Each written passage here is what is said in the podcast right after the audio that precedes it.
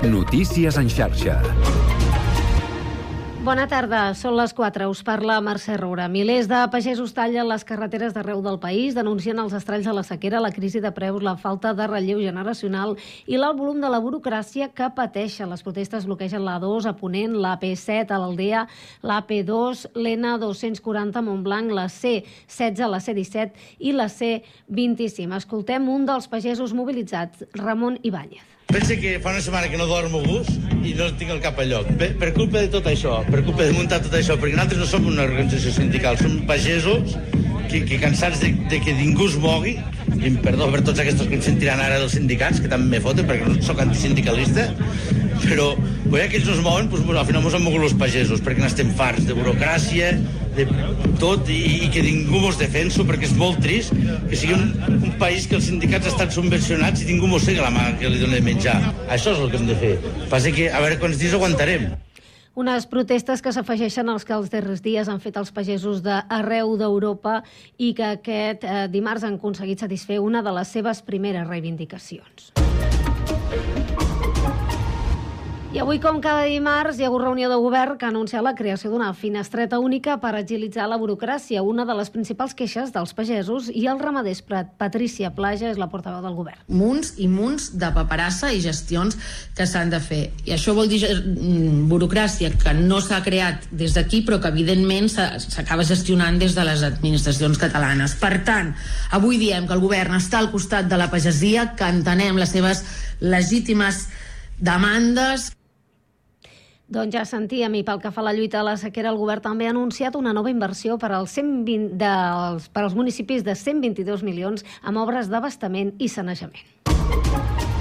I la mesa del Congrés ha analitzat avui l'informe dels lletrats eh, que apunten que la llei d'amnistia s'haurà de debatre de nou a la Comissió de Justícia a partir del dictamen que es va aprovar el 30 de gener i que la Comissió disposa d'un termini de 15 dies que expira el 21 de febrer per elaborar un nou redactat.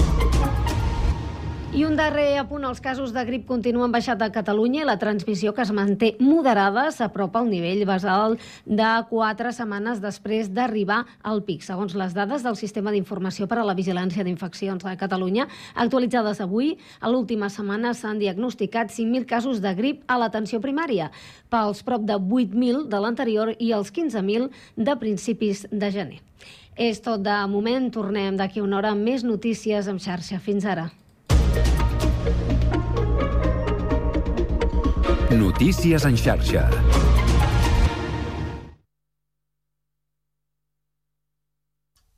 Quatre i tres minuts. Comença el Connectats.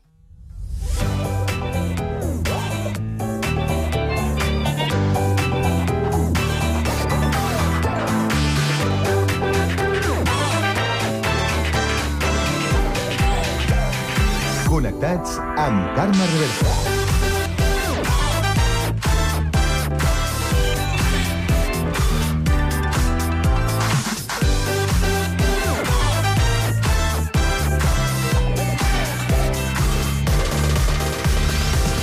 Molt bona tarda, salutacions i benvinguts al magazín de tarda de la xarxa, al Connectats de l'àrea metropolitana de Barcelona, programa que fem i podeu seguir a través de Ràdio Sant Cugat, Ràdio Sabadell, la Municipal de Terrassa, el Prat Ràdio, Ràdio Ciutat de Badalona i Ràdio Castellà. Una salutació de tot l'equip conduït a la part tècnica per Pablo Palenzuela, Sami Fernández a la producció i d'aquí us parla Carme Reverte. Avui és dimarts 6 eh, de febrer i volem saber quin temps ens espera aquesta tarda. Lluís Mi Pérez. Sens dubte que avui els núvols són els protagonistes, però no deixen pluja. En molts moments deixant el sol completament tapat. Aquests núvols han estat més gruixuts, especialment a les comarques de Ponent, i al llarg de les properes hores encara continuarà aquest temps més aviat moix i tot plegat amb una temperatura que tira cap avall, bàsicament perquè hi haurà poca insolació. Per tant, quedaran lluny els 20-25 graus que encara ahir teníem en algunes comarques, sobretot del prelitoral. Avui l'ambient no ha de ser fred, però sí que la temperatura, ja diem, retallarà 4 o 5 graus respecte a ahir. A les comarques del Pla de Lleida encara amb boirina i molt mala visibilitat. En algun cas s'aixecarà la boira, però quedarà encara l'ambient molt enrarit i també més fresquet. Un temps que, per altra banda, en vista el dimecres, tornarà a ser més assolellat, tret de les comarques del Pla de Lleida, on una altra vegada la boira serà més densa, sobretot al matí. Tornarà a pujar la temperatura, un ambient de primavera, allà on no hi hagi boira. Ho seguirem a la xarxa.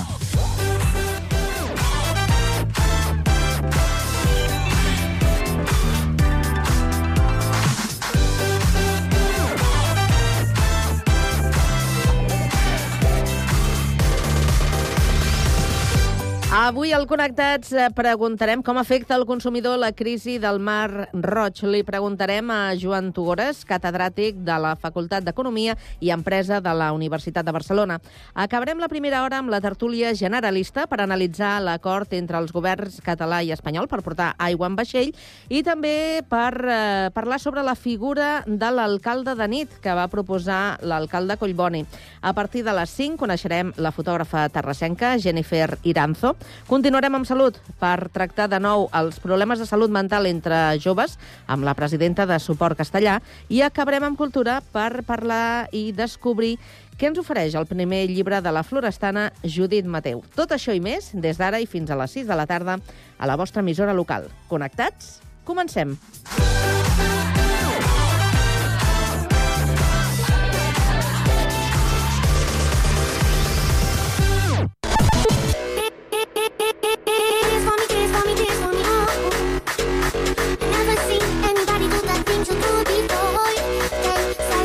Connectats, una experiència radiofònica a Sabadell, Terrassa, Sant Cugat, El Prat, Castellà i Badalona.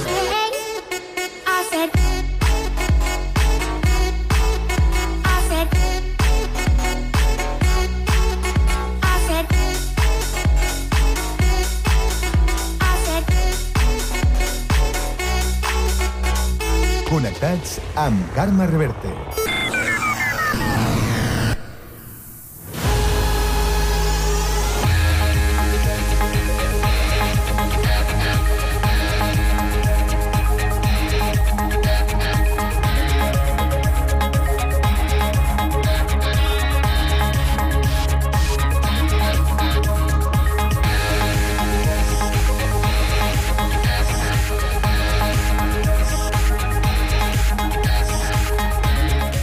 La tarda i 8 minuts. Ens actualitzem i ho fem amb la ronda d'actualitat, que avui també obrim per Terrassa. Sergi Estafé, bona tarda. Bona tarda. La Cambra de Comerç de Terrassa i la Fundació Iman cerquen pimes i startups que puguin presentar un projecte de robòtica industrial innovador en la gestió d'immobles i serveis per al sector de Facility Management. Les empreses interessades a participar en aquest repte tecnològic hauran de tenir seu social a Catalunya, experiència en robòtica, visió artificial, i també hauran de garantir la capacitat d'abastar les fases de disseny i de llançament de prototips. El repte serà el desenvolupament de tecnologia avançada per a un robot autònom capaç d'autoproveir-se i amb les capacitats de neteja, detecció i alerta d'incendis d'elements discordants com una finestra o una porta obertes i control de paràmetres com la qualitat de l'aire, fugues de gas, fums d'incendis i mesuraments lumínic del nivell sorolls i temperatura. La iniciativa té com a data límit d'inscripció el 31 de març i s'inscriu en el Digital Impulse Hub, el marc de col·laboració que mantenen les dues entitats que ofereix, entre altres accions, ajuts fins a 30.000 euros per portar a terme proves conceptuals en tecnologia avançada. Un cop revisades les sol·licituds, les pimes acceptades rebran les especific- especificacions tècniques per iniciar el seu projecte. Gràcies, Sergi. Seguim ara per la CUC Capital del Vallès Occidental. A Sabadell, Pau Duran, bona tarda. Bona tarda. Mercats, escoles, barris, Ajuntament i Disbauxa ja ho tenen tot a punt per l'arribada del Carnaval. Podria tractar-se d'una edició rècord. I és que la rua del diumenge a la tarda multiplicarà per 4 els participants de la cavalcada de Reis. S'estan apropant als 1.800, amb 26 colles, tres de les quals noves incorporacions. La novetat d'enguany és el Ball de Nit i els Diables de Sabadell. Des de l'associació Disbauxa, Judit Pedro n'ha donat les dades. Com a novetat important, el, carna... el, el programa es recupera el Ball del Carnaval, amb inici a les 10 de la nit a càrrec del grup Los Muca, també a la plaça Doctor Robert. I no tenim un horari fixat, en qualsevol moment de la nit eh, podrem gaudir del pregó del rei Carnestoltes i vindrà acompanyat aquest any dels Diables de Sabadell, que novament s'incorporen al programa de, del Carnaval. Aquell dia també hi haurà concurs infantil de disfresses i sopar de catxaruta. El diumenge al matí, tercera edició del Ball de Gitanes. Es pot anar a veure els carnavals que munten als barris les associacions de veïns. A més, les escoles mobilitzaran prop de 9.000 participants a partir del dijous. I el dissabte també es viurà aquesta festa als mercats municipals. Gràcies, Pau. I pel que fa a l'actualitat de Badalona, Andrea Romera, bona tarda. Bona tarda, Carme. El col·lapse de l'interior de l'edifici número 9 del carrer Canigó, al barri del Raval, ha fet desallotjar una seixantena d'habitatges de l'entorn. Són uns 35 els professionals que en aquests moments treballen a la zona. Les autoritats han explicat que ara per ara la principal missió és fer un llistat dels veïns empadronats per detectar els afectats. El col·lapse que ha afectat aquest edifici de planta baixa més quatre plantes més s'ha produït aquest matí i ha afectat des de la coberta de l'àtic fins a la planta baixa. Es tracta d'un edifici de 1959 sense expedient de disciplina obert i, per tant, qualifiquen l'esfrondament de sobrevingut. Ara per ara es treballa amb l'objectiu d'identificar qui són els veïns que hi viuen per determinar si ha desapareguts, motiu pel qual des del cos de bombers no descarten possibles víctimes. Escoltem l'inspector Eduard Martínez. Ara mateix eh, no, no descartem cap possibilitat. Uh, ara mateix estem en el procés, com els hi deia, d'afiliar a tothom, intentar localitzar les persones que vivien en aquest edifici i en el moment en què, en què comencem uh, les maniobres de desenrunament uh, doncs uh, podrem verificar si realment doncs, hi ha persones a l'interior o no. El sistema d'emergències mèdiques ha desplaçat cinc unitats de suport vital avançat al carrer Canigó i un equip de dos psicòlegs que s'encarrega d'atendre els familiars d'aquelles persones que podrien trobar-se a l'interior de l'immoble. Gràcies, Andrea. Seguim encara al litoral i des d'una miqueta més al sud, al Prat de Llobregat, ens informa Lluís Rodríguez. Bona tarda. Bona tarda. La cooperativa agrícola del Prat se suma avui a les mobilitzacions per la crisi de preus, les noves polítiques agràries europees, la falta de relleu generacional o l'excessiva burocràcia. En aquest sentit, també exigeixen aranzels als productes d'importació i aplicar el mateix control per a aquells que arriben de tercers països sense cap mena de control sanitari. Escoltem el seu president, Agustí Garcia. Si n'hi ha producte nacional, per què collons tenen que comprar producte de fora? Per què? Per devaluar-lo? Això t'he dit una cosa, els francesos, ara ja no tant, però fa dos anys, tres, quatre anys enrere, ells tenien patata per destruir i l'enviaven cap a Mercabarna a baixar el preu de la patata nacional. Aquí n'hi ha intermediaris entremig que són els que es ganen- guanyen la vida. A tots aquests problemes també se li afegeix la sequera i les restriccions al rec. Si la situació no millora, ja alerten que la pagesia es planteja deixar de plantar de forma temporal. Gràcies, Lluís.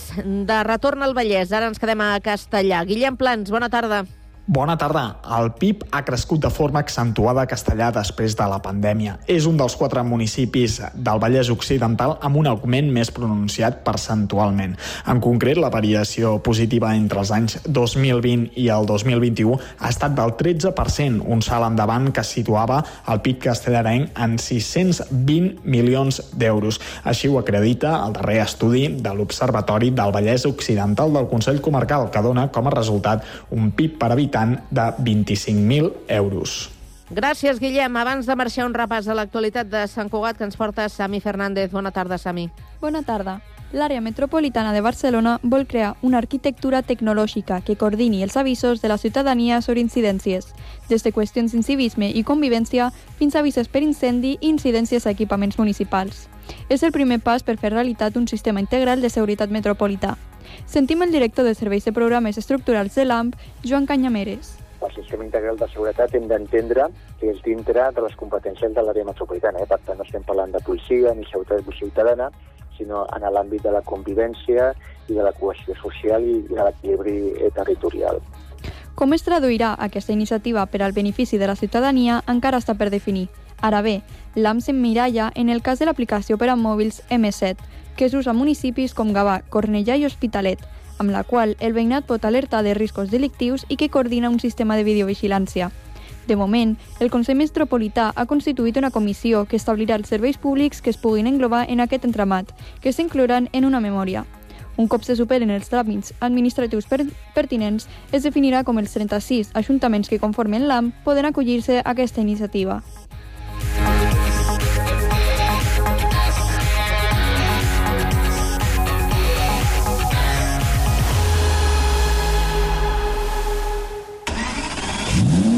El Connectats del Dia Mundial de la Ràdio se'n va a Castellar del Vallès. Dimecres 14 de febrer, especial Connectats en directe, amb convidats radiofònics i música i públic en directe. Celebra el centenari de la ràdio amb nosaltres i segueix-nos per qualsevol de les emissores del Connectats. Ràdio Castellà, 90.1 de la FM. El Prat Ràdio, 91.6 de la FM. Ràdio Ciutat de Badalona, 94.4 de la FM. Ràdio Sabadell, 94.6 de la FM. Ràdio Municipal de Terrassa, el 95.2 de la FM. Ràdio Sant Cugat Cugat Mèdia, 91.5 FM. 4 i 3 minuts. Comença el Connectats del Dia Mundial de la Ràdio.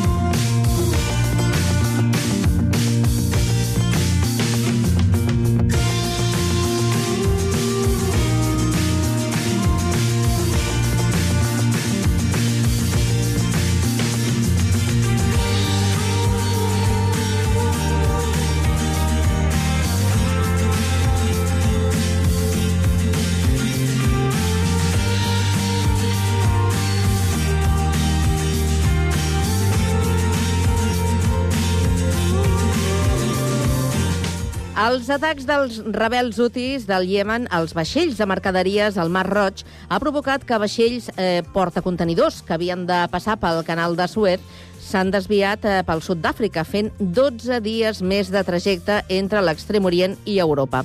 Fins a quin punt aquest conflicte del Mar Roig impacta en els consumidors? Doncs li volem preguntar a Joan Tugores, catedràtic de la Facultat d'Economia i Empresa de la Universitat de Barcelona. Joan Tugores, bona tarda. Hola, bona tarda. Per contextualitzar una miqueta els oients, eh, quin percentatge de les mercaderies que arriben a Europa provenen de l'Extrem Orient? Bueno, hi ha diverses estimacions. La més coneguda és que en torn a un 15% del comerç eh, mundial passa pel Mar Roig i pel canal de Suez, eh, encara que eh, en funció de que sigui tràfic de contenidors o mercaderies que vinguin sobretot d'Àsia cap a Europa, el percentatge és eh, significativament més elevat. Del comerç entre Àsia i Europa pot estar la xifra més propera al 30% del conjunt de, de mercaderies. Mm -hmm. I què és el que importem d'aquesta banda del món? Importem quasi tot, perquè avui en dia Àsia, començant per Xina, però també països com eh, Tailàndia, com Vietnam, que està pujant molt la seva potència exportadora, o com Singapur o com Japó, eh, o la Índia, cada vegada tenen més importància com a proveïdors de, de la Unió Europea i pràcticament eh, els hi comprem eh, de tot. Eh, D'una banda, doncs, productes eh, tèxtils, electrodomèstics, eh, tot el que cap dins, d'un contenidor, avui en dia en un percentatge molt significatiu prové dels, dels països de l'Àsia Pacífic, que són els principals proveïdors, i eh, addicionalment també de l'Orient Mitjà prové sobretot el petroli, que, del qual encara continuem eh, depenent i que després de les incidències amb els, els subministraments que provenien de Rússia, els, les fonts de subministraments energètics, sobretot el petroli de l'Orient Mitjà, que passen per l'estret d'Hormuz i després pel Mar Roig, doncs encara han guanyat importància en termes comparatius. Mm -hmm. eh, quina diferència hi ha entre la situació eh, actual i, i, i la que um, es va produir durant la pandèmia? Bueno, amb la pandèmia el principal problema estava als, als ports, que les mercaderies no podien ni tan sols arribar a carregar-se els vaixells perquè l'activitat dels ports estava pràcticament eh, congelada eh, a tots els països del món. Ara els ports ja funcionen en normalitat, però eh, aquesta, els riscos de travessar l'estret de, de Bab el-Mandeb, que és el port que la via al Mar Roig, és la que ara està sotmès a, a riscos, sobretot pels vaixells que tenen una bandera és de, diguem, de països occidentals, de països que són vistos amb hostilitat per part dels que estan eh, posant en risc la seva seguretat i, per tant, els països amb bandera, amb pavelló de navegació de països occidentals es veuen obligats a donar la volta pel cap de, de Bona Esperança, per, pel sud del continent africà, la qual cosa pues, pot perllongar entre dues o tres setmanes el temps d'arribada d'aquestes mercaderies, sobretot, insisteixo, les que provenen d'Àsia i ens venen a nosaltres el, els europeus. Uh -huh. D'entrada, les afectacions per a les empreses, ho comentava, més, més temps de trajecte, augmenten els costos de, dels contenidors, més vaixells per eh, cobrir la, la ruta. Tot això eh, repercuteix en el consumidor final? Sí, repercuteix en termes de manca de subministraments en temps i forma i repercuteix en termes de, de l'encariment. Fa pocs, fa pocs dies, de fet, eh, ahir mateix la, la OCDE, eh, l'Organisme Internacional en Seu a París, publicava el seu informe de previsions actualitzats i dedicava uns, uns paràgrafs precisament a la situació al Mar Roig i publicava l'estimació de que per nosaltres els europeus això, si es mantenia durant un cert temps, podia provocar un augment de, dels preus de quatre dècimes, que tal com està el tema de la inflació, que semblava que s'estava reduint, però això, que, que és repunt degut a l'encariment de les mercaderies, no és una bona notícia. A juny, al final, de la lluita contra la inflació, a banda de que es pugui una mica produir el mateix que va passar el 2021 quan va acabar la pandèmia, que els subministraments no arribaven a temps a la quantia prevista, els famosos colls d'ampolla, que van perjudicar moltes indústries europees que necessiten matèries primeres o components que venen de països asiàtics i que ja varen veure l'any 2021 que els retards en aquests subministraments pues, ens podien perjudicar tant a la producció com, òbviament, a, a l'arribada de les mercaderies als consumidors. Uh -huh. Per tant, sí que hi ha una afectació eh, directa. Sí, hi ha una afectació directa i significativa. També els estudis comparatius mostren que, de moment, els eh, prejudicis no són tan grans com els famosos coll d'ampolla, als quals em referia fa un moment, que varen tenir l'any 2021 i que varen durar setmanes, pràcticament uns quants mesos, i que també varen posar amb molta dificultat a les, a les indústries europees, inclús les nostres, i als consumidors europeus. Per tant, encara no estem en la situació dels delicats colls d'ampolla de l'any 2021, però bueno, eh, clar, això acaba, eh, els, les afectacions al Mar Roig acaben de començar i no sabem exactament quant de temps poden, poden encara durar i si les deriva, derivacions geopolítiques, les ficcions militars entre, entre els països occidentals i els països que bloquegen l'estret i els que els hi donen suport, si aquestes derives geopolítiques no sabem cap on poden, poden anar. Per tant, encara les estimacions de perjudicis pels consumidors i productors europeus són més modestes que les de l'any 2021, però les incerteses geopolítiques eh, fan que no puguem encara emetre un diagnòstic de quina serà al final la magnitud dels, dels costos que tot això suposa. Però el que sí que eh, podem eh, pronosticar és que si això es manté i es prolonga en el temps, la afectació eh, eh, anirà creixent? Podrà afectar encara més del que ho està fent ara?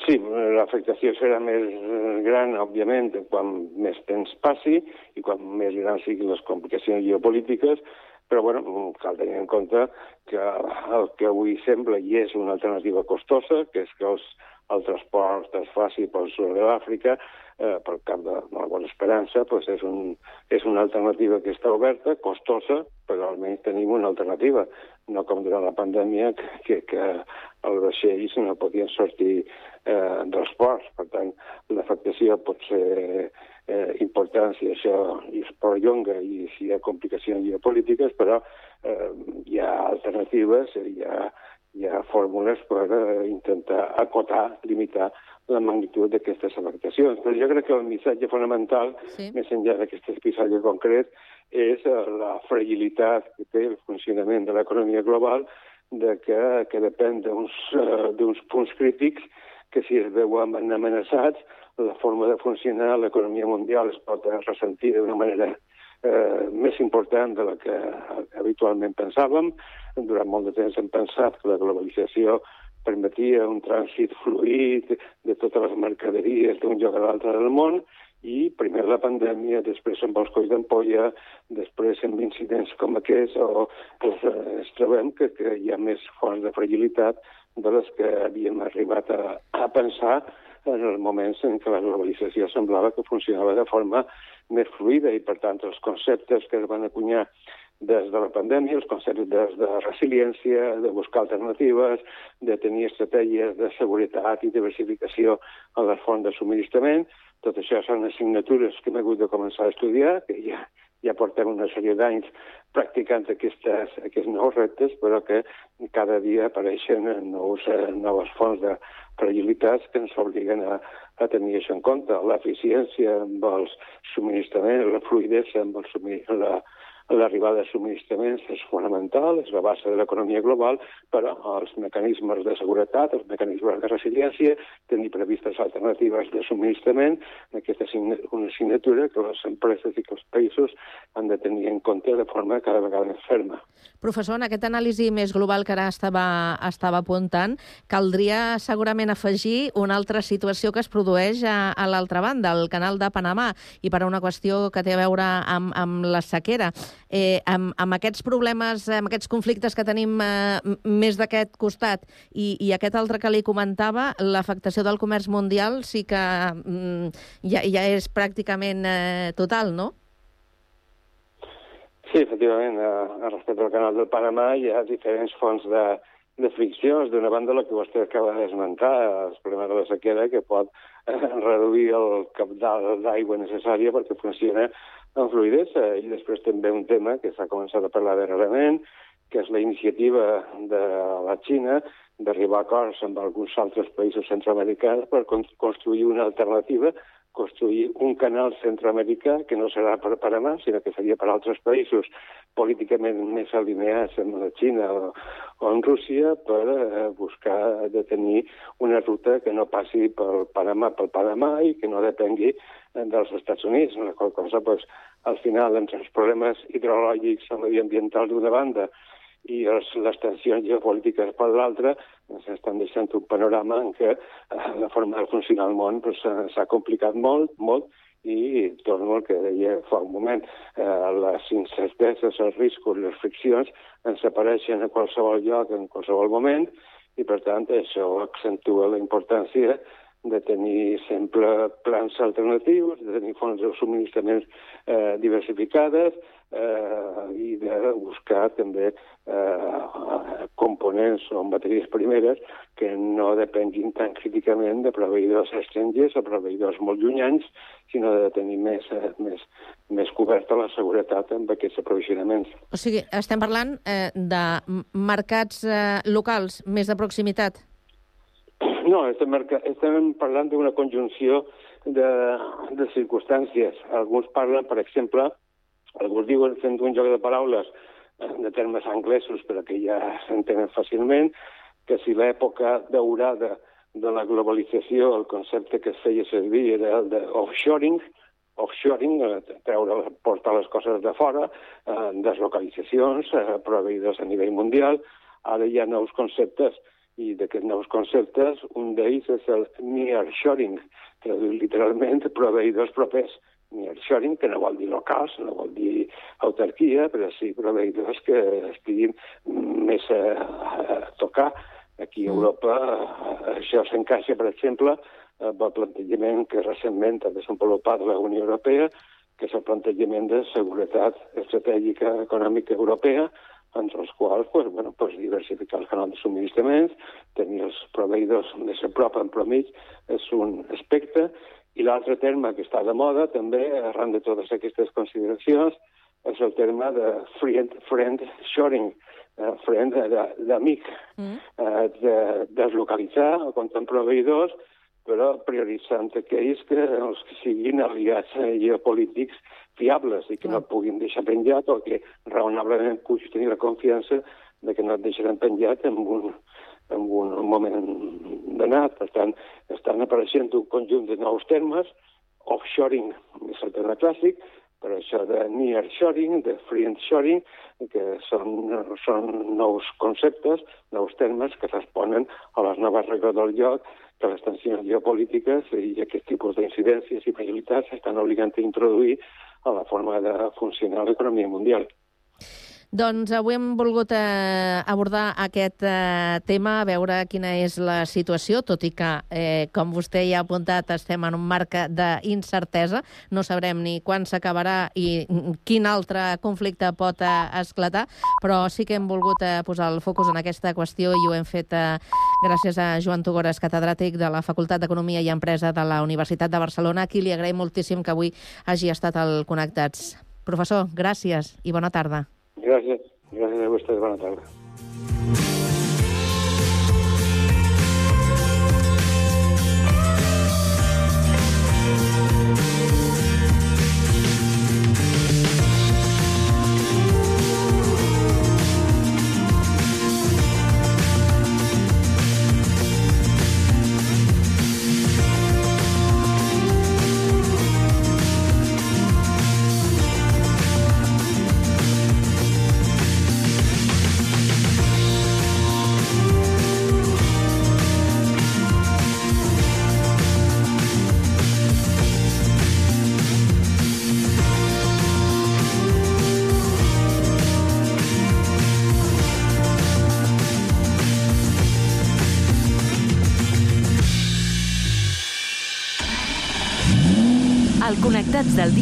De la Ràdio se'n va a Castellar del Vallès. Dimecres 14 de febrer, especial Connectats en directe, amb convidats radiofònics i música i públic en directe. Celebra el centenari de la ràdio amb nosaltres i segueix-nos per qualsevol de les emissores del Connectats. Ràdio Castellà, 90.1 de la FM. El Prat Ràdio, 91.6 de la FM. Ràdio Ciutat de Badalona, 94.4 de la FM. Ràdio Sabadell, 94.6 de la FM. Ràdio Municipal de Terrassa, el 95.2 de la FM. Ràdio Sant Cugat Cugat Mèdia, 91.5 FM. 4 i 3 minuts. Comença el Connectats del Dia Mundial de la Ràdio.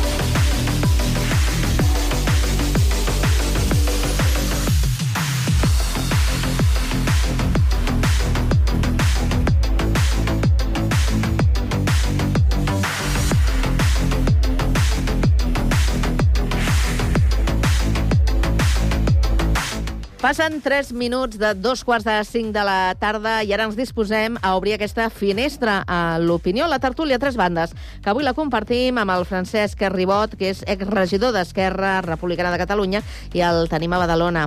Francesc, bona tarda. Hola, bona tarda a tots. Què tal? I Com, totes. com, com esteu per Badalona? Bueno, en aquests moments no massa bé perquè ha hagut un petit, un petit gran accident que s'ha esfondrat un, un edifici Ostres. al, car al carrer Canigó i portant tota, el, tota la tarda i el matí els bombers eh, fent les tasques de, de rescat. Han tingut que, que de deshabilitar els dos edificis del costat per assegurar-se que no hi hagi cap problemes. Però hi ha hagut Confiem víctimes? Que tot, en principi hi havia un desaparegut, però vull creure que, que en aquests moments deuen, a- deuen haver-lo trobat i esperem que no hi hagi cap, cap víctima, que és el més important, és l'únic que no es pot resoldre. Eh? Tot l'altre, Sí. pues, en col·laboració de la Generalitat i el- dels departaments tècnics de l'Ajuntament, segur que trobaran una solució i, mira, i tots plegats, jo crec que tots els grups municipals estaran al costat dels veïns. Doncs informació de primera mà. També saludem el Quirze Casablanques, eh, jubilat, el tenim a Sabadell. Quirze, bona tarda. Bona tarda, hola a tothom. Com, com van les coses per Sabadell? Bé, avui, avui sembla que les coses estan molt quietes a la ciutat. Sí? Bueno, Esperant el Carnaval. Sí, Sí, esclar, evidentment. Segurament, segurament. Però això, però això mm, és, és igual a les altres poblacions, no? Sí, clar, aquí també estem a punt. Mm -hmm. Esperem, esperem celebrar-ho. Però no hi ha notícies així d'última hora, no? No, No, que sàpigues. no que jo sàpiga. Mm. Això hauríem de preguntar a la gent de redacció, perquè ells segur que tenen alguna cosa entre mans. No, dic, Segur. aprofitem, ja que fem la ronda, doncs pues aprofitem. Mira, el Francesc que ens acaba d'informar de, del que estava passant a, a Badalona. I a Sant Cugat tenim la Mònica Blasco, que és fundadora de l'agència de comunicació La Original. Mònica, bona tarda, què tal? Hola, Carme, buena tarde. I a Sant Cugat què passa? Bueno, lo primero de todo, la meva soci- solidaridad con, con el company de Badalona y con todas las personas que están afectadas, como, como ha dicho él. Eh, a Sant Cugat, mira, es muy brevemente la residencia de Sant Cugat, eh, que se denomina Santa Rosa. De gent eh, gran. de gent gran, Sí. es una residencia de gent gran en pública, ah, de un grado de, de, de- de- de degeneración muy alto, lo que tienen los, los abuelitos a- aquí. Eh, llevan buscando más hace más de tres meses una enfermera que no localizan, no, no hay manera de contratarla porque no, no hay enfermeras para que Sí, vengan a trabajar a un lloc de feina un que lloc de feina y no, no, no, no, apare- no, no- no hay manera de poder contratar enfermeras para las residencias. Y, aquí en San Cugat hace mucha falta porque las enfermeras que tenemos ya no dan a la base y un fisioterapeuta que también desde hace un mes y también pasa, pasa lo mateix así que una crida a quien quiera contactar pues si yo les dejo aquí en la redacción o que se pongan directamente en contacto con la residencia de Santa Rosa con su directora que se llama Mira. Pilar Mira, mira, mira, fent la ronda, eh? I això abans d'entrar en matèria. Imagineu-vos, eh? Si, si porteu informació. Doncs eh, és un problema el que tu comentes, eh, Mònica, que hem abordat moltes, moltes vegades, Moltes vegades. aquí, que és la falta de recursos humans en hospitals, als CAPs i ara també a les residències. Vull dir que... Mm, és una situació que, que no deixa de, de, bueno, de sorprendre perquè és un lloc de feina però que, que és reiterat. Eh, us sembla que entrem en matèria, dit el que ja s'ha dit, i comencem a parlar de- de- d'aquestes eh, aquests pactes eh, entre el govern espanyol i el català per portar aigua si no plou, eh? Esperem que plogui abans i no calgui portar l'aigua de, de la desaladora de, de Sagunt i, i amb vaixell, amb vaixell, eh? I, i que la construcció de- d'aquestes eh, desaladores, la de la Tordera i la del Foix, que ja s'han eh, programat, doncs que comenci això a bellugar-se ràpidament. Bueno, com sempre, i com diria més d'un tertulià de- d'aquest programa, les coses arriben, però arriben tard. ¿No? Exacto. A, a mí me, sor- me sorprende muchísimo que mm, es cierto que el cambio climático es un hecho desde hace muchos años y que no se haya actuado de, de forma de una manera mucho más acelerada. Sí que es verdad que la pandemia eh, hizo un parón en todo lo que es construcción, en todos los ámbitos de la sociedad, pero aun con todo que no se haya previsto ya desde hace, ya no antes de la pandemia, sino mucho antes de la pandemia, que estas cosas podían ocurrir. Eh, Cataluña es una zona que nos gusta mucho también y por eso viene muchísimo turista, porque hace un sol espléndido y tenemos este acogimiento ¿no? de, de- de todas las, las personas que vienen, pero ciertamente no es una zona de, de lluvias. Entonces yo creo que esto ya se tendría que haber previsto de poder hacer una segunda, una tercera o las que, a las que haga falta. Vinga, Francesc. No, jo només comentar que previst, previst sí, que, sí que hi era. Precisament hi ha uns plans de de reutilització d'aigües regenerades des de fa uns anys. Uh, la desaladora, l'ampliació de la desaladora de Blanes, que ha de, ha de doblar la, la capacitat, eh, pues ja estava programada, igual que estava programada la construcció de la desaladora de, del Foix. Penseu de que va ser al març del 2022, em sembla que va ser, quan es va, fer, eh, es va ficar a exposició pública a l'informe d'impacte ambiental, eh, que passa que Faltaven legítimament els diners? molts ajuntaments... Faltaven els diners? No, eh, no els ajuntam alguns ajuntaments van presentar al·legacions, particulars van presentar al·legacions, i fins al 28 de desembre del 2023 no es va fer l'aprovació definitiva. Si ara es poden accelerar, accelerar els tràmits per la, perquè Aquamet, que és l'empresa que faria l'obra, licitaria l'obra, és perquè tota aquesta feina que no triga d'un a dos anys com a mínim, que és fer una, eh, licitar un estudi d'impacte ambiental, que elaborin la- el- el- l'estudi d'impacte ambiental, que s'aprovi, que es facin els processos tota aquesta feina ja està feta, i per tant aquesta feta, aquests informes i aquests estudis que ja estan fets es lliuraran a l'empresa que ha de licitar l'obra, que és, sembla que serà Aquamed, eh, per, i així ja la pot licitar ja, per dir d'alguna manera, i això pues, serveix per, per estalviar un parell, un parell d'anys, no? Dic, eh, si, no va, si no vaig errat, la idea és de que la de l'ampliació de la Tordera es faci amb el 27-28 i la del Foix 28-29. Sí. Eh, sempre arriba tard, però és que, malauradament, la, la burocràcia, que és indispensable per garantir que no hi hagin coses rares, pues fa que tots els tràmits siguin lents. Un any per licitar i un parell, un parell d'anys més per construir. Eh? I, mentrestant, eh, el que també cal, cal que la gent eh, sàpiga o que la gent recordi és que l'any 2021 eh, l'aigua regenerada l'aigua que es regenerava i que arribava a les nostres aixetes era el 0%. Eh, amb aquests tres anys, l'aigua regenerada ja s'ha enfilat fins al 25%, i l'aposta del govern és precisament per incrementar el percentatge d'aigua regenerada. Eh? Dic, I la desaladora les hem de fer perquè, molt bé deia la companya que ha parlat abans, eh, el canvi climàtic ha vingut per quedar-se malauradament i per molt que plogui eh, el mes que ve, eh, de cara al futur hem de tindre la capacitat per poder donar suport a tota la gent, a la gent, a les, als, als pagesos i a la indústria, eh? de tot tipus, eh? perquè realment sí. sense aigua no funciona res. No funcionen els cossos, però també funcionen les empreses. Uh -huh. Quirze. Hola. A veure, eh, eh, suposo que ha quedat implícit eh, el fet de que jo també em solidaritzo amb, amb la gent de Badalona per aquest tema que, que ha succeït avui. Em Sí, diu. senyor, sí. Per descomptat. Eh, és que no he dit res, però, però sí que estava en el meu ànim de dir-ho. Eh, bé, eh, sí, potser sí que arribem tard, mm, però arribem, no sé. Vull dir, eh, o sigui, arribar tard no és arribar fora de control, vull dir, fem-ho, som-hi, no? El que passa, el que passa és que es- s'està parlant molt, o sigui, sempre acabem parlant de diners, que com ho financiarem, etc etc etc. I, I ara em vaig introduir una pregunta. Eh, aquell préstec que els hi vam fer als bancs, se, se sap si ens l'han tornat, aquell préstec? No, no, és que no, no vaig més enllà, cony, tu, que ens ho paguin aquests, que ens deuen diners. Bueno, no? ara es pagaran amb els fons del... Con los New Next, Generation, sí, eso dicen, Sí, eso però és dicen. que això, Sí, sí, no, però els Next Generation podrien fer altres coses. No, no, però és trampa, eh? O sigui, a, si hi ha fons New Generation Sí. que eh, d'Europa et paguen les inversions. Aquests no, eh? Aquests que diu l'Estat no, eh? Aquests eh, 462 milions, sembla que si fa no fa, són el que vindran, serà un crèdit un crèdit que farà l'Estat I que que la Generalitat tots. haurà, que la Generalitat haurà de retornar, Mm. però que els, mm Mhm. els ciutadans haurem de pagar via, via rebut de l'aigua. O sigui que clar. gràcies per deixar-nos uns diners que a més no són vostres, sinó són d'Europa, gràcies, perquè realment eh, un dels problemes perquè no s'hagin fet, evidentment, és l'econòmic. Eh, els projectes que estan fets per incrementar les estacions regeneradores, regeneradores d'aigua, que sembla que s'han de fer 24 noves d'aquí a l'any 2040, pues puja així pecata minuta, 407 milions De d'euros. todas maneras, quien entienda también el recibo del agua, a mí que me, me lo expliquen, ¿eh? Sí, porque qualsevol yo, rebot, eh?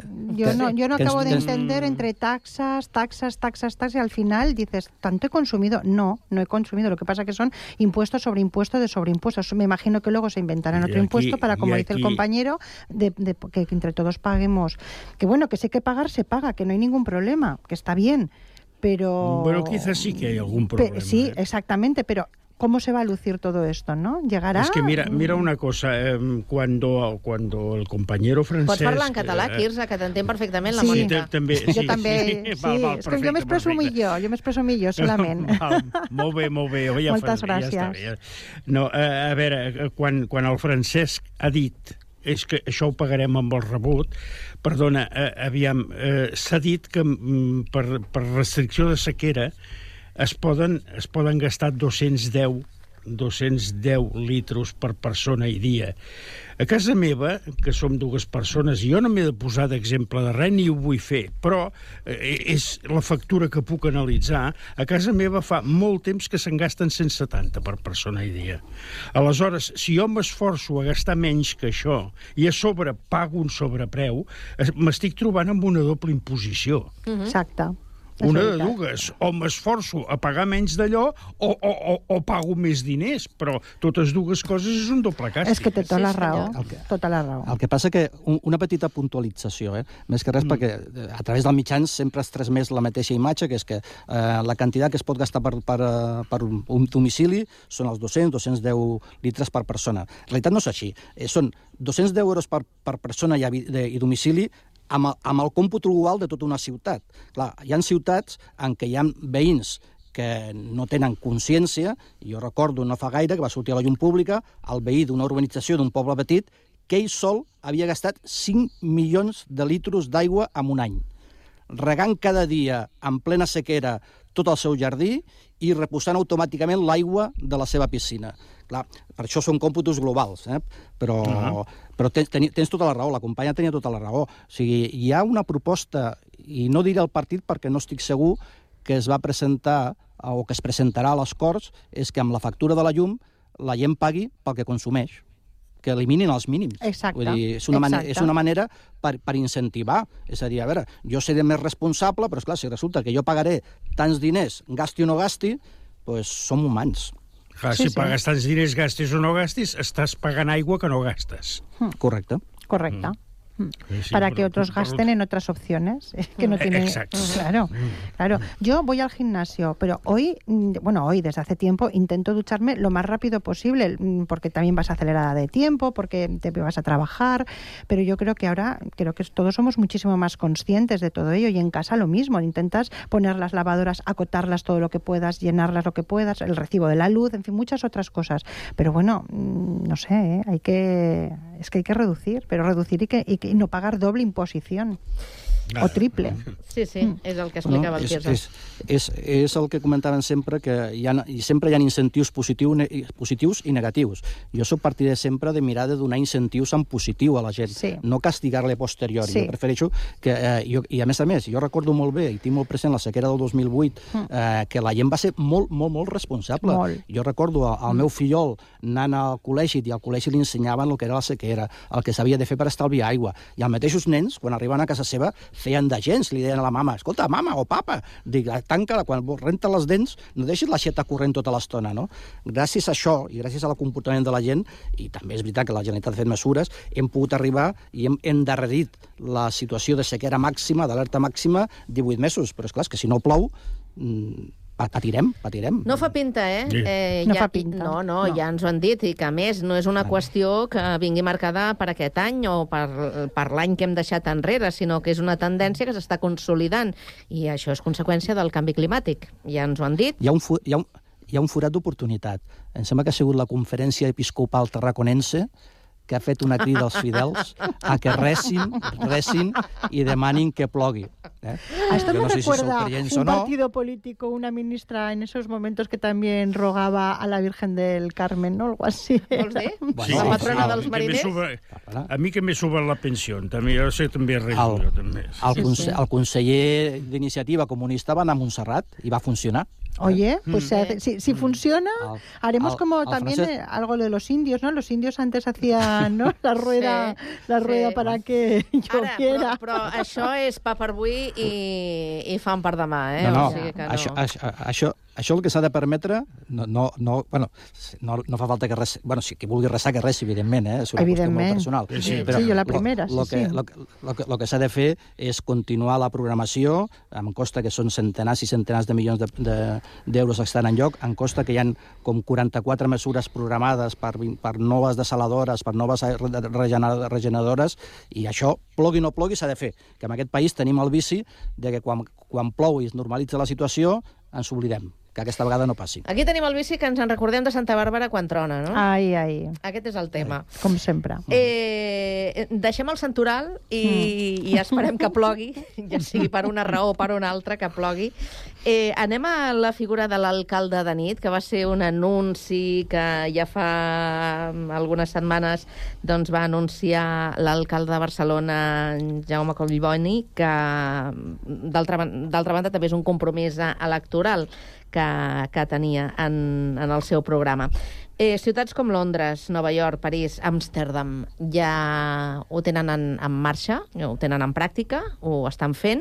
Jo no sé si vosaltres penseu que a Barcelona seria necessari que hi hagués un alcalde o una alcaldessa de nit, o sigui, algú que, que gestionés eh, eh, tot, tota aquesta, aquesta franja de, del dia. Ho veieu necessari? Ho dic perquè hi ha un concepte que és la, la idea de la capital 24 hores. A mí todo lo que sea mm, solucionar conflictos e intermediar para que los conflictos no hayan, a mí me parece fantástico. Yo he estado leyendo un poco esta, esta información y en Londres la verdad es que ha merecido la pena porque había muchos, eh, es una ciudad como Nueva York, ¿no? las ciudades que no duermen y sobre todo Nueva York, que es la, la que más que no duermen. ¿no? Y sí que es verdad que en cuestiones de, luces, en cuestiones de paradas de autobuses, en cuestión de- de arreglar conflictos tráfico de drogas, pues todo esto se ha mejorado mucho. No tiene una función política, sino lo que tiene es una función de intermediación y de solución. Por lo tanto, a mí todo aquello que realmente provoque el que se favorece, se, fa- se favorezca sobre todo eh, la diversión, pero una diversión buena, una diversión fácil, una diversión en la que eh, ella, los, los chicos los, y las chicas y nosotros de, un poquito más mayores, ¿no? Eh, podamos salir y, podamos cenar y podamos disfrutar eh, sin peligro, a mí me parece extremadamente bueno. Y es más, yo no, yo no solamente lo pondría en la ciudad de Barcelona, simplemente aquí en la ciudad de San Cugat y tiro y barro para mi casa. Hace mucha falta también porque ci- la ciudad está oscura, eh, no, no hay... Esto lo hemos hablado muchas veces, Karma, no hay autobuses que realmente hagan una circunvalación buena para poder llevar a los, a los chicos a, sus casas o que hagan puntos de, referencia. Y, en Barcelona, pues lo mismo, ¿no? Hay para los, los ahí sí que hay búhos, pero no hay búhos como deberían de, ser, ¿no? Y yo creo que el transporte público es muy importante que esté, que esté abierto, para eso se necesita dinero, evidentemente, para hacer unas hay que hacer una inversión en, en infraestructuras y una inversión en personal, pero yo creo que podría estar chulo, la verdad es que sí. Vinga, més opinions. Jo Mira, crec que... el- Vinga, Quirze i digues. Francesc. No, que, Digues, a veure, eh, una, o sigui, jo crec que la Mònica ha donat, ha donat una clau. Intermediació. Jo crec més en la intermediació que amb la política. A partir d'aquí, mm, dieu. No és una figura política, eh, Quirze? Ah. No, no, per això, per això, Mm. que crec més en la intermediació que amb la política, amb això. Mhm. O sigui, en, en, per, per, per prevenir o si, o si s'escau resoldre, resoldre conflictes, crec més en en la intermediació que amb la política. És Simplement refermo re- una, una idea que ha apuntat la Mònica en la seva intervenció anterior. Mi- Mireu, jo, jo, jo inicialment ho veia amb una mica de malfiança, i que, i, tot i, i, tot, i que consti que, que el primer partit polític que va portar això amb el seu programa electoral va ser l'Ernest Maragall amb l'any 2019, amb el programa de- d'Esquerra de, Republicana, figurava la figura aquesta d'alcalde de nit. No? Mm. O sigui, ben, benvingut que, que copin el que eh, alguns pensen que és bo. No? Tot i així, eh, també la, la companya també ha, ha establert una sèrie de paràmetres que són importants. El tema del lleure nocturn, eh, de lleure sobretot per la gent jove, que no s'ha de centrar única i exclusivament amb l'alcohol. Per això és necessari que s'obrin les escoles per les tardes, que hi hagi espais esportius que es puguin ser oberts, perquè Sí. no tot ha de ser ballar i beure. Clar. Després, un altre tema, que és la mediació amb els veïns, o sigui, els conflictes que hi ha en molts esp espais amb els veïns. I la mediació va, va lligar també amb la sensació de seguretat. A mi el que em fa dubtar és que eh, Nova York, que esmentaves, el primer alcalde de nit va, l'alcalde de nit va ser un empresari del, de, del sector del lleure. A Amsterdam, el primer alcalde de nit va ser un promotor d'un club. Uh, en una altra ciutat, uh, 40, 40 bars es van reunir i van escollir un alcalde de nit. Uh, L'alcalde de nit no és una persona que està al servei dels locals d'oci nocturn per resoldre'ls els problemes que tenen, sinó que està per enfocar a la nit com les ciutats que són 24 hores. Jo he viatjat, he intentat viatjar bastant, no? Tu vas a ciutats eh, com Bangkok, a part d'aquestes que has esmentat, i estan vives les 24 hores del dia, no? Per tant, està bé que hi hagi una persones que, que tinguin instruments, recursos, eh, per poder mediar amb els conflictes de forma imparcial, eh? no a favor d'una part, sinó Que no hi hagi conflicte d'interessos. Exactament. Uh -huh. I que hi hagin recursos, sí. perquè de vegades també dona la impressió que tots són traves i tots són problemes, jo no me'n puc cuidar i a tu no et toca. A veure, Sí, però- que la però persona la- que, que, exer que exerceixi això mm, tingui recursos a la mà, però recursos eficaços. Jo, jo m'apuntaria més la proposta de París, que a París el que hi ha és un Consell parisenc de nit. En aquest Consell parisenc de nit, que està liderat per una adjunt alcaldia, que Sí. cobriria la, la fórmula del Coiboni, però en aquest Consell està presenta la policia, el Departament de Turisme, el representant dels sindicats, el representant, de les entitats del transport, de cultura, de salut. És que així tenen tota la gent que pot fer aportacions o que pot ajudar a sortir els problemes que es veixin, allà hi serien, perquè el transport també és fonamental. Sí. O sigui, eh, a Sant Cugat comenta de que en una hora determinada pues, la gent jove es va a peu o va en cotxe, per- o va en cotxe privat, bueno, pues, això es pot estudiar. En alguna d'aquestes ciutats la proposta, la proposta que van fer aquest alcalde de nit era que el metro estigués obert les 24 hores. Mm.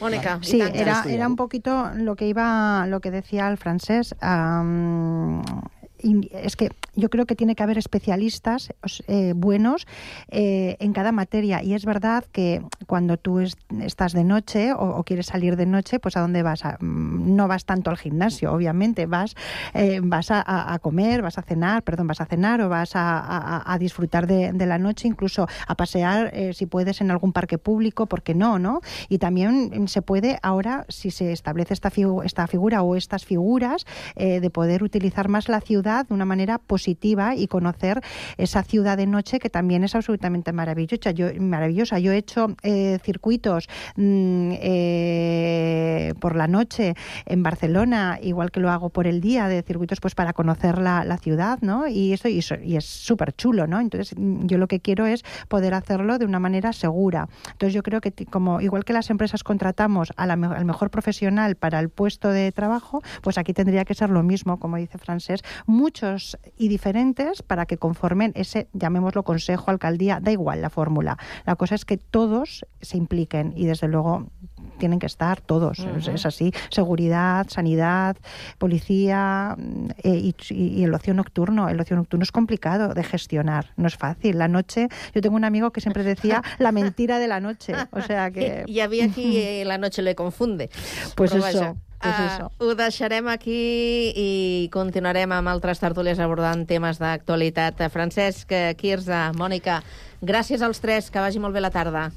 Moltes Gràcies a tots vosaltres. Adéu-siau.